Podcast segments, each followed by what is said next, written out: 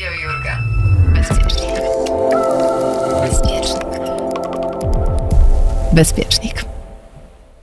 Cześć, dzień dobry. Z tej strony Jo Jurga. Mam dla Was trzeci odcinek drugiego sezonu podcastu Bezpiecznik. Dziś chciałabym Wam opowiedzieć o roli przeprowadzek, nieposiadaniu i zmianie miejsca. Bezpiecznik. Blok trzeci. Oswajanie przestrzeni. Moja serdeczna, dobra dusza podesłała mi piękny wiersz na tą okazję, więc zacznę poezją. Mogę zrobić taką anegdotę, a właściwie wtrąd, że bardzo mi poezji brakuje w życiu, więc e, jakbyście mieli jakieś ulubione wiersze, to z radością je przyjmę via social media. Ja swojego czasu pisałam bardzo dużo haiku i był to bardzo określony moment w moim życiu. I ta poezja jest dla mnie cały czas bardzo ważna. A wiersz, który dostałam od Martyny, znam, ale trafiła idealnie w moment. Martyna to jest ta cudowna dusza, która robi okładki do każdego odcinka w drugim sezonie. I jej trafność była doskonała, bo też jest o moim podejściu do posiadania bądź nieposiadania, do posiadania bądź nieposiadania rzeczy. Stanisław Barańczak. Jeżeli porcelana, to wyłącznie taka. Jeżeli porcelana, to wyłącznie taka, której nie żal pod butem tragarza lub gąsienicą czołgu. Jeżeli fotel, to niezbyt wygodny, tak, aby nie było przykro podnieść się i odejść. Jeżeli odzież, to tyle, ile można unieść w walizce. Jeżeli książki, to te, które można unieść w pamięci. Jeżeli plany, to takie, by można o nich zapomnieć, gdy nadejdzie czas następnej przeprowadzki na inną ulicę, kontynent, etap dziejowy lub świat. Kto ci powiedział, że wolno się przyzwyczajać? Kto ci powiedział, że cokolwiek jest na zawsze? Czy nikt ci nie powiedział, że nie będziesz nigdy w świecie czuł się tak, jak u siebie w domu? To ważny dla mnie wiersz, bo ja w swoim życiu przeprowadzałam się bardzo wiele razy. W samym dorosłym życiu, i uznajmy, że to jest moment, od którego mamy dowód osobisty, było tych historii kilkanaście. Wszystkie te do przeprowadzki były absolutnie dobrowolne, chociaż niektóre były niezwykle zaskakujące, a pewnie niektóre były dość traumatyczne. Ale to, co wyniosłam z tych przeprowadzek, to wielką łatwość adaptowania przestrzeni do swoich potrzeb i ustawiania przedmiotów tak wokół siebie, żeby dawały mi poczucie komfortu. I mam kilka znajomych nomadowych dusz, które też to mają, że zabierają ze sobą swoją ulubioną czarkę czy kubek, jakiś święty obrazek, coś, co jest dla nich istotne, coś, co ma wartość, i nową przestrzeń w ciągu pięciu sekund zamieniają w taką, która jest ich przestrzenią niezmienną. I myślę, że ta umiejętność odnajdywania się w miejscach jest czymś, co ułatwiło mi wiele życiowych zawieruch. Do czego chciałabym Was w tym odcinku zachęcić? A, bo absolutnie nie musicie się w ciągu kilkunastu lat przeprowadzać kilkanaście razy, ale chciałabym zachęcić albo opowiedzieć Wam o otwartości na zmianę. Ostatnio dużo mam takich wykładów, gdzie opowiadam o tym, co zmiana wnosi w nasze życie i zawsze się śmieję, że jedyną pewną rzeczą w życiu jest zmiana, ale ta łatwość do tego, żeby wiedzieć, że rzeczy są tymczasowe i cieszyć się nimi teraz, a nie może kiedyś, jak będzie na to czas, pozwala fantastycznie zmienić perspektywę. Miałam cudowny przywilej dorastania, moim zdaniem, w najpiękniejszej warszawskiej dzielnicy, czyli na Żoliborzu. I byłam otoczona wieloma książkami, wieloma obiektami z przeszłością. No i byłam oczywiście otaczona moimi rodzicami i moją babcią. I moja babcia, która doświadczyła, a właściwie dorastała w okresie wojny, miała dla mnie trochę mądrości i trochę prawd. Najpierw się przed nimi buntowałam, potem ich nie doceniałam, a teraz mimo tego, albo dzięki Bogu, albo bogini, że nie doświadczyłam wojny, mam do tych prawd wiele szacunku. Ten wiersz Parańczaka jest bardzo o tym, co mówiła mi moja babcia zawsze kazała mi czytać. Teraz robię to już dobrowolnie, bo uważała, że tego mi nikt nie odbierze. W ogóle miała taką teorię, że to, co umiem, będzie zawsze moje, tak długo jak działa mój umysł. a to, co nabyłam bądź posiadam, zawsze można mi odebrać. I za tą lekcję jestem jej niezwykle wdzięczna, bo umiejętność tracenia rzeczy materialnych jest niezwykle wyzwalająca. A babcia o tym mówiła bardzo dużo, bardzo dużo też mówiła o szacunku do inności i szacunku do drugiego człowieka, który w obecnych czasach jest tak nieprawdopodobnie trudne do znalezienia. Ale wracając do przeprowadzek, babcia miała trochę świętych przedmiotów, takich, które były dla niej kontaktem ze światem, który już nie istnieje, kontaktem ze światem, w którym się urodziła, z inną kulturą, inną historią, innym miejscem geopolitycznym. I te przedmioty obarczone ciężarem tych historii stanowiły u nas w domu prawdziwe relikwie. To był sekretarzyk, który potem stał w moim pierwszym mieszkaniu, cztery krzesła, portret mojej prababki, przebity w czasie wojny.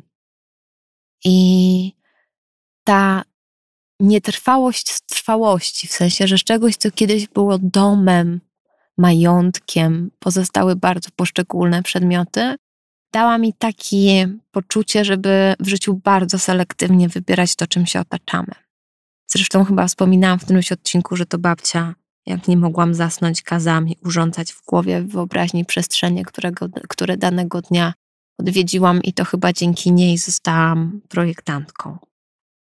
I te przez te obiekty y, ona od kilku lat namiętnie rozdaje. W sensie ma takie poczucie, że ponieważ powoli żegna się z tym światem, to chce, żeby te rzeczy, które stanowią o jej historii i jej dziedzictwie, były odpowiednio a, utrzymane w naszej rodzinnej pamięci i chce mieć taką pewność, że zapewniła tym obiektom właściwe, a, właściwe miejsce w przestrzeni spowodowały, że ja sama zaczęłam takie obiekty tworzyć. A na studiach magisterskich na wzornictwie w Warszawie poproszono nas, jak zresztą dziś pamiętam, Magda Kochanowska poprosiła nas, żebyśmy przynieśli obiekty, które są dla nas najważniejsze. I ja przyniosłam taką czarkę do herbaty, którą kupiłam w Kaszgarze podczas swojego przejścia przez Azję. Pamiętam, że mój towarzysz podróży był bardzo zdziwiony, że można kupić czarkę i to wówczas za tyle pieniędzy. A mnie ten przedmiot z namalowanymi postaciami Buddy absolutnie ujął. No i przejechał ze mną całą Azję, następnie się stłukł, następnie go skleiłam, używam go do dziś i jest właśnie takim jednym z pierwszych moich prywatnych, świętych obiektów. Nauczona mądrością babci, że może krzesła nie są najwygodniejsze podczas tułaczego życia nomada, staram się wybierać obiekty w randze zdecydowanie mniejszej.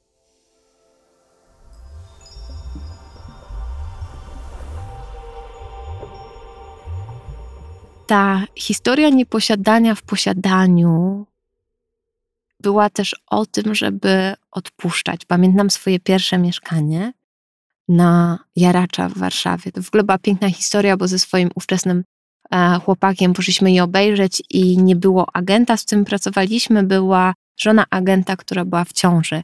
I mój chłopak spojrzał na nią i powiedział: Pani jest w ciąży, pani przyniesie nam szczęście. I myśmy to mieszkanie kupili. To mieszkanie było w strasznym stanie, wymagało absolutnie generalnego remontu ze skuwaniem tynków, nie było szyb w oknach, była to prawdziwa rudera. Ja się wtedy uczyłam budowlanki z cudownym a, panem majstrem takiej starej daty. E, I to mieszkanie było takim pierwszym domem, gdzie ja miałam poczucie, że stworzę szałas na hałas. Miałam wtedy bardzo dużo bardzo idealistycznych zapędów, jakie może mieć e, bardzo młoda osoba w bardzo poważnym związku. Nie, żebym nadal nie była młoda, ale te 15 lat temu byłam zdecydowanie młodsza. E, I, I to mieszkanie wyposażaliśmy z takim niesamowitym namaszczeniem. Ja to bardzo fajnie wspominam, bo potem przez lata, jak pracowałam z ludźmi, którzy startują w swoje takie dorosłe, świadome, wybrane życie, um, podziwiałam ten umysł początkującego, jak to mówimy w buddyzmie, czyli ten moment, w którym każdy element jest poddawany bardzo długim i szerokim dyskusjom.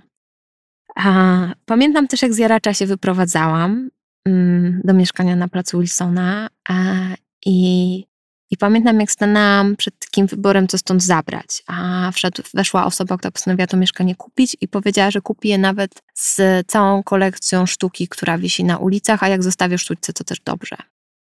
I ja się zapytałam tylko, czy mogę zabrać książki. Eee, i, I rzeczywiście zabrałam z tego mieszkania bardzo, bardzo, bardzo niewiele. Mm, I to jest ciekawe, bo tych mieszkań rzeczywiście potem było bardzo wiele.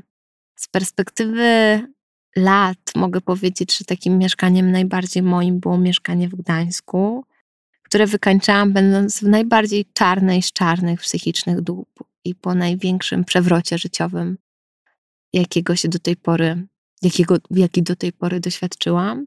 Ale to było takie miejsce, w którym stworzyłam absolutny szałas na hałas. I to było miejsce, do którego przyjeżdżali bliscy mi ludzie i zostawali tam na dłużej. I nauczenie się tego, ja akurat miałam przywilej uczenia się na żywej tkance, co mi służy i co mi nie służy, i że miejsca są tylko tymczasowe, pozwoliło stworzyć przestrzeń dla mnie absolutnie optymalną i, i taką absolutnie moją, gdzie też miałam ogromne szczęście, albo nie szczęście, ale taką sytuację, że decydowałam o wszystkim sama w tym gigantycznym remoncie. A myślę, że przy tym odcinku pokażę Wam co można zrobić z mieszkania, w tym 30 lat nikt nie mieszkał, bo ja mam jakiś talent do wynajdowania takich ruin, których wszyscy się boją i potem ich ogarniania, żeby zrobić z tego szałas na hałas. Ale wyprowadzka do Gdańska była ciekawym momentem, mm, dlatego, bo ja się zorientowałam, że po tych wielu przeprowadzkach po Warszawie i w międzyczasie do Brukseli i wyjeździe do Azji, ja mam strasznie dużo rzeczy u różnych ludzi w piwnicach. Czyli tak jak e, w swoim własnym mieszkaniu panuję nad ilością obiektów, to ponieważ miałam w życiu absolutną fascynację kupowaniem mebli na różnych aukcjach internetowych, to zgromadziłam ileś foteli kupionych tam po 100-150 zł, ale klasyków designu poupychanych w różnych domach moich bliskich. Mm, i piwnicach, i garażach. No i postanowiłam zrobić, mówię, to jest ten moment, wyjeżdżam z Warszawy, zrobię porządek. To się oczywiście skończyło gigantyczną aukcją tych rzeczy w internecie i, i rozsprzedaniem większości tego dobytku. Ale też takim zmierzeniem się z tym, ile ja finalnie, będąc piewcą minimalizmu, posiadam i ile można kupić pięknych foteli. To jest bardzo śmieszne, że ja nigdy nie chcę zaprojektować krzesła, nigdy nie chciałam zaprojektować krzesła, a, a że, że mam słabość do foteli. E, z których też nie siedzę, ale to może tako, taki obiekt rzeźbiarski. No w każdym razie posprzątałam tą historię, posprzątałam szafę, posprzątałam sztućce, talerze, pamiątki, a jeszcze mieszkałam w cudownym domu po mamie mojej macochy, która już od wielu lat niestety nie ma z nami. I jeszcze sprzątałam ten dom i w ogóle byłam taka, takim ferworze Marie Kondo, e, w ferworze porządkowania przedmiotów, nadawania im sensów, szukania dla nich drugich, trzecich i piątych żyć. I zdałam sobie sprawę po raz kolejny w życiu, że my wszyscy strasznie dużo gromadzimy. I to, co jest najpiękniejsze w przeprowadzkach, to jest to, że my wtedy z tymi wszystkimi przedmiotami możemy się zmierzyć. Możemy je rozłożyć po podłodze, pomieszczenie po pomieszczeniu, salon, sypialnia, gabinet, kuchnia, łazienka, toaleta, tak, ilekolwiek mamy pomieszczeń, bo każdy z nas dysponuje inną ilością, i zmierzyć się z tym, co my w tych zakamarkach mamy.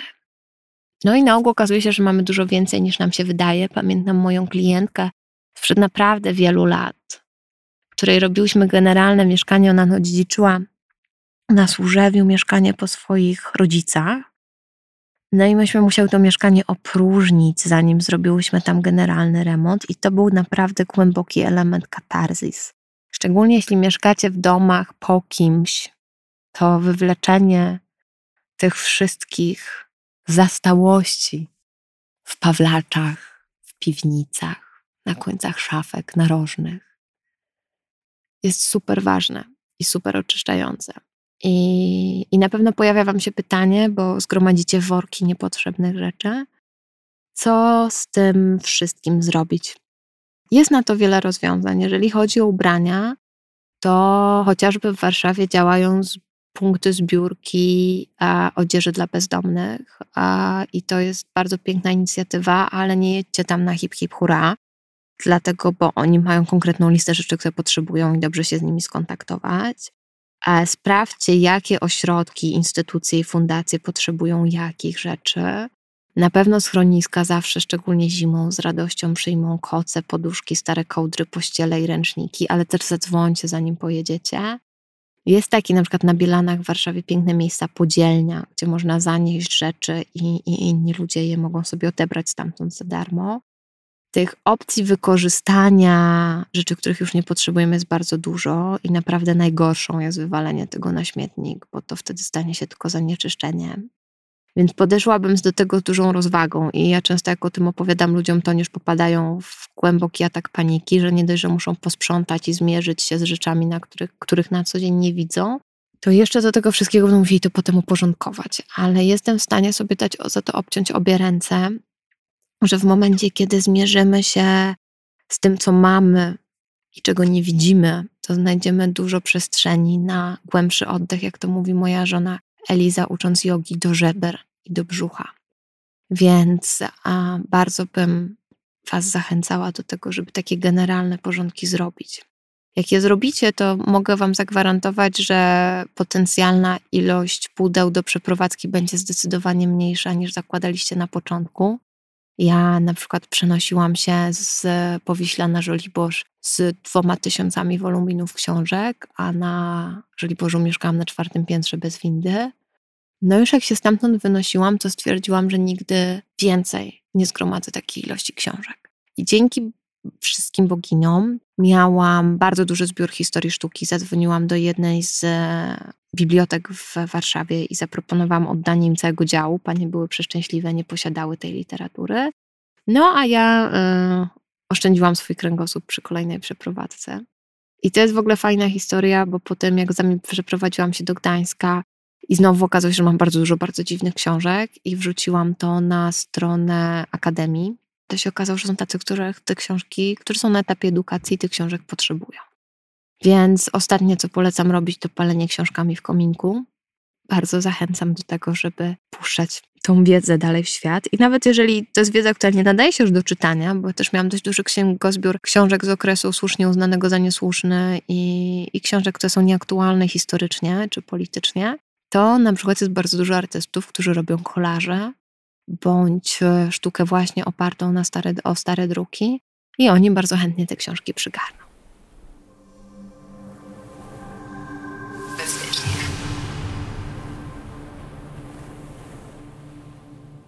Jak już posprzątamy i podzielimy na działy to, co mamy do spakowania, to można dojść do takiej perfekcji, że jest się człowiek w stanie spakować w kilka godzin. Pamiętam, jak e, wynosiłam się któryś kolejny raz. E, byłam wyposażona e, wówczas w bardzo dużo skrzynek na jabłka i zapakowaliśmy kilkadziesiąt skrzynek na jabłka całym naszym domowym dobytkiem i, i ruszyliśmy w nieznane. I zrobiliśmy to naprawdę w 4 godziny. I potem, jak się wynosiłam z Gdańska, to też przy pomocy dwóch najbliższych mi kobiet spakowałam się w 4 godziny i byłam gotowa do dalszej drogi. Więc czemu ja o tym wszystkim mówię? A mianowicie dlatego, żebyście nie popadali w atak paniki na słowo przeprowadzka i żebyście zdali sobie sprawę, że to, co mamy, to jest tylko i wyłącznie ten moment. A zmiana miejsca to też zmiana perspektywy, otwarcie się na nowe otoczenie, na nowych ludzi, na nową panią w warzywniaku czy najbliższą kawiarnię. I to jest zawsze coś, co nas wzbogaca, nawet jeżeli początkowo brzmi przerażająco. I tak jak powtarzam swoim studentom z pokolenia Z, którzy e, według wszystkich badań będą zmieniać diametralnie zawód w życiu siedem razy, to uważam, że w tym zmianie miejsca jest oczyszczające, coś oczyszczającego. Ja zresztą zawsze mówię, że mogłabym swoje życie podzielić na etapy miejscami, w których mieszkałam. I oczywiście mierzenie się z rzeczami przy pierwszej przeprowadzce jest super trudne, ale przy każdej kolejnej jest już coraz łatwiejsze. I czym większą będziemy mieli łatwość i taką świadomość, że rzeczy, którym jesteśmy otoczeni, dają nam radość, tym łatwiej to pakowanie będzie nam szło. I bardzo bym chciała Was zachęcić do wyjścia z takiego etosu, że jak dom, to na zawsze.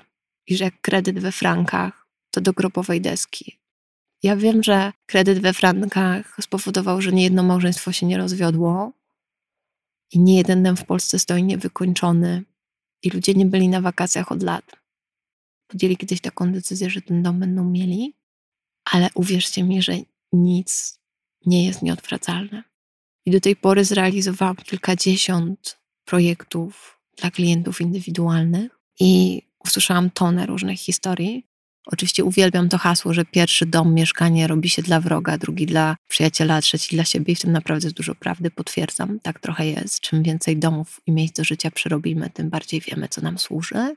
Ale jest coś takiego, że w momencie, kiedy zdamy sobie sprawę, że miejsce, w którym jesteśmy, nam nie służy, nawet jeżeli mamy na niego kredyt na 30 lat i się od niego uwolnimy. I teoretycznie nasz standard życia się obniży, bo nie wiem, ze 150 metrach wylądujemy na 40. To może się okazać, że ta zmiana z perspektywy wyzwoli w nas taki potencjał, a ta ulga pozbycia się kredytu tak bardzo poszerzy nasz horyzont, że ta jakość życia radykalnie nam się poprawi w zupełnie innym kierunku. Więc chciałabym Was zachęcić do tego, żebyście się nie bali. I ja wiem, że zaraz poleje się krew i usłyszę, że, że łatwo jest to mówić z perspektywy kogoś, kto ma w tym biegłość, albo że nigdy nie miałam kredytu na własne dzieci, ale myślę, że to jest trochę o mindsetie i o tym, na co jesteśmy tak naprawdę gotowi i jak traktujemy moment, który w tym momencie mamy. Więc jeżeli byście spojrzeli na ten moment jako na ostatni moment waszego życia, to zastanówcie się, czy to otoczenie jest tym, które jest dla was optymalne. I oczywiście w słowie optymalne są zawarte wszystkie kompromisy bliskości szkoły dzieci, odległości od pracy, e, nie wiem, pokoju do jogi, o, bądź whatever, balkonu. Ale nie bójcie się, jeżeli, nie wiem, codziennie jeździcie do pracy przez dzielnicę, która wam się marzy, nie bójcie się zawalczyć o to, żeby w tej dzielnicy mieszkać. Nawet gdyby miało to być nie w domu, tylko w mieszkaniu. Byłam w ostatnią niedzielę na festiwalu, Śląskim Festiwalu Nauki. Brałam udział w dwóch panelach. W jednym z nich naprzeciwko mnie siedział Philip Springer. I on w jednej ze swoich pięknych książek, Wanna z kolumnadą, przywołuje taką historię, jak e, wychował się w przepięknej secesyjnej kamienicy, z tego co pamiętam, w Poznaniu. No i pierwszym dorosłym mieszkaniu, które zamieszkał samodzielnie, to był blok z wielkiej płyty i postanowił zrozumieć, czemu on w tym mieszkaniu w bloku z wielkiej płyty czuł się tak radykalnie źle. Nie chcę wam spalić książki, więc książkę wam bardzo polecam, ale jeżeli w miejscu, w którym w tym momencie jesteście, czujecie się źle, to zmieńcie miejsce. Naprawdę. A jeżeli byście mieli duży problem z tym, jak się spakować, to napiszcie. Zrobię instrukcję obsługi. Życie jest za krótkie, żeby żyć w miejscach, które nam nie służą. I pewnie nie jedna moja koleżanka, terapeutka, by powiedziała, że jest też za krótkie, żeby być w złych relacjach, ale można być też w relacji z mieszkaniem albo z domem. Jeżeli macie toksyczną relację z miejscem, w którym żyjecie, zmieńcie je. Ostatnio rozmawiałam z dwoma fantastycznymi kobietami, matką i córką, które podjęły decyzję, że po kilkunastu latach miejsca w tym, życia w tym samym miejscu muszą znaleźć nowe miejsce, bo w w tym, które mieszkają, wydarzyło się zbyt dużo złych rzeczy i czas ten moment zamknąć, tą historię. I to też jest bardzo piękne w przeprowadzkach, że w ich trakcie zamykamy to, co się wydarzyło. To jest szczególnie przydatne, jeżeli mamy za sobą bardzo trudne historie związane z miejscem. I ja mogę spokojnie po tych kilkunastu przeprowadzkach powiedzieć, że wśród nich są takie, które uratowały mi życie. Bo zmieniając miejsce, mogłam zmienić perspektywę. No i oczywiście czasem mam jakiś taki ból dupy, że sprzedałam dywan razem z mieszkaniem albo że straciłam widok z okna, ale myślę, że każde kolejne miejsce nauczyło mnie czegoś bardzo ważnego. Mam też wtopy mieszkaniowe, w sensie mieszkałam w miejscach, które mi bardzo nie służyły, ale to bycie w dyskomforcie jest o tyle fajne, że wtedy bardzo dobrze doceniamy komfort. Mam też takie spostrzeżenie znajomych, którzy kilka lat temu postanowili radykalnie zmienić dzielnicę miasta, w którym mieszkali. I zanim kupili w niej mieszkanie, to wynajęli mieszkanie w inwestycji obok, żeby zobaczyć, jak tam się mieszka. I to jest bardzo rzadka w Polsce praktyka, ale myślę, że jest genialna. Jeżeli chcecie coś zmienić, a macie na to i czas, i przestrzeń, to zamieszkajcie w tym miejscu tymczasowo, żeby sprawdzić, czy to jest to miejsce. Mamy już w tej chwili narzędzia, takie jak wynajmy krótko i średnioterminowe, i mamy możliwości, żeby takie przeprowadzki robić. A jeśli marzy Wam się życie w San Francisco, na biegunie albo w, na polu, to spróbujcie po prostu to zrobić w czasach, kiedy większość z nas nadal pracuje zdalnie. Myślę, że to jest wykonalne. I, I chciałabym, żeby przekazem tego odcinka była taka naprawdę lekkość w przemieszczaniu się. I to tylko, nie tylko na poziomie podróżowania, tylko taka, że tu, gdzie ja jestem, jest mój dom, bo to ja ten dom w sobie niosę. I oczywiście możecie zapytać, czy to nie powoduje wykorzenienia. Myślę, że w dużym stopniu tak. Ja nie mam domu rodzinnego, w sensie moja mama ma swoje mieszkanie, moja babcia ma swoje bardzo malutkie mieszkanko i, i nie mam takiego miejsca, do którego wracam, miejsca z dzieciństwa, bo, bo tamten dom już nie istnieje, został sprzedany wiele lat temu. Też ze względu na to, że wydarzyło się w nim zbyt dużo niedobrych rzeczy. I czasem, jak rozmawiam z moim partnerem, którego dom jest dla niego taką ostoją i taką historią, i on uwielbia wracać na swoją kanapę, to ja zawsze mówię, że ja tego nie czuję. I, I nawet był taki moment, że miałam pretensje do siebie o to, że nie potrafię się osadzić i ukorzenić. Jeżeli to macie, to cudownie. Jeżeli macie ten swój szałas na hałas i czujecie, że to jest na ten moment życia to miejsce, to, to obłędnie. Jeśli dom waszych rodziców albo dziadków jest takim miejscem, gdzie można zarzucić tymczasową kotwicę i osiąść jak w dzieciństwie i poczuć się w tym miejscu bezpiecznie, to też uważam, że to genialne. Ale jeżeli macie w sobie tą otwartość na to, żeby szukać tego szałasu i, i widzicie taki paradoks życia, że to zawsze jest szałas na hałas na bardzo określony moment, to próbujcie i szukajcie tych swoich szałasów. Ja to bardzo wspieram. I tak jak możemy stracić w życiu cały dobytek, może on spłonąć, może nam ktoś go zabrać, może zostać zniszczony, to tak jak mówi moja babcia, to co zobaczymy i czego doświadczymy, tego nam nikt nie odbierze. Więc doświadczajcie swoich przestrzeni, miejcie cudowne kolejne dwa tygodnie i słyszymy się już niebawem. Pięknego dnia albo nocy. Pozdrawiam. Jo Jurga. Jo Jurga. Bezpiecznie.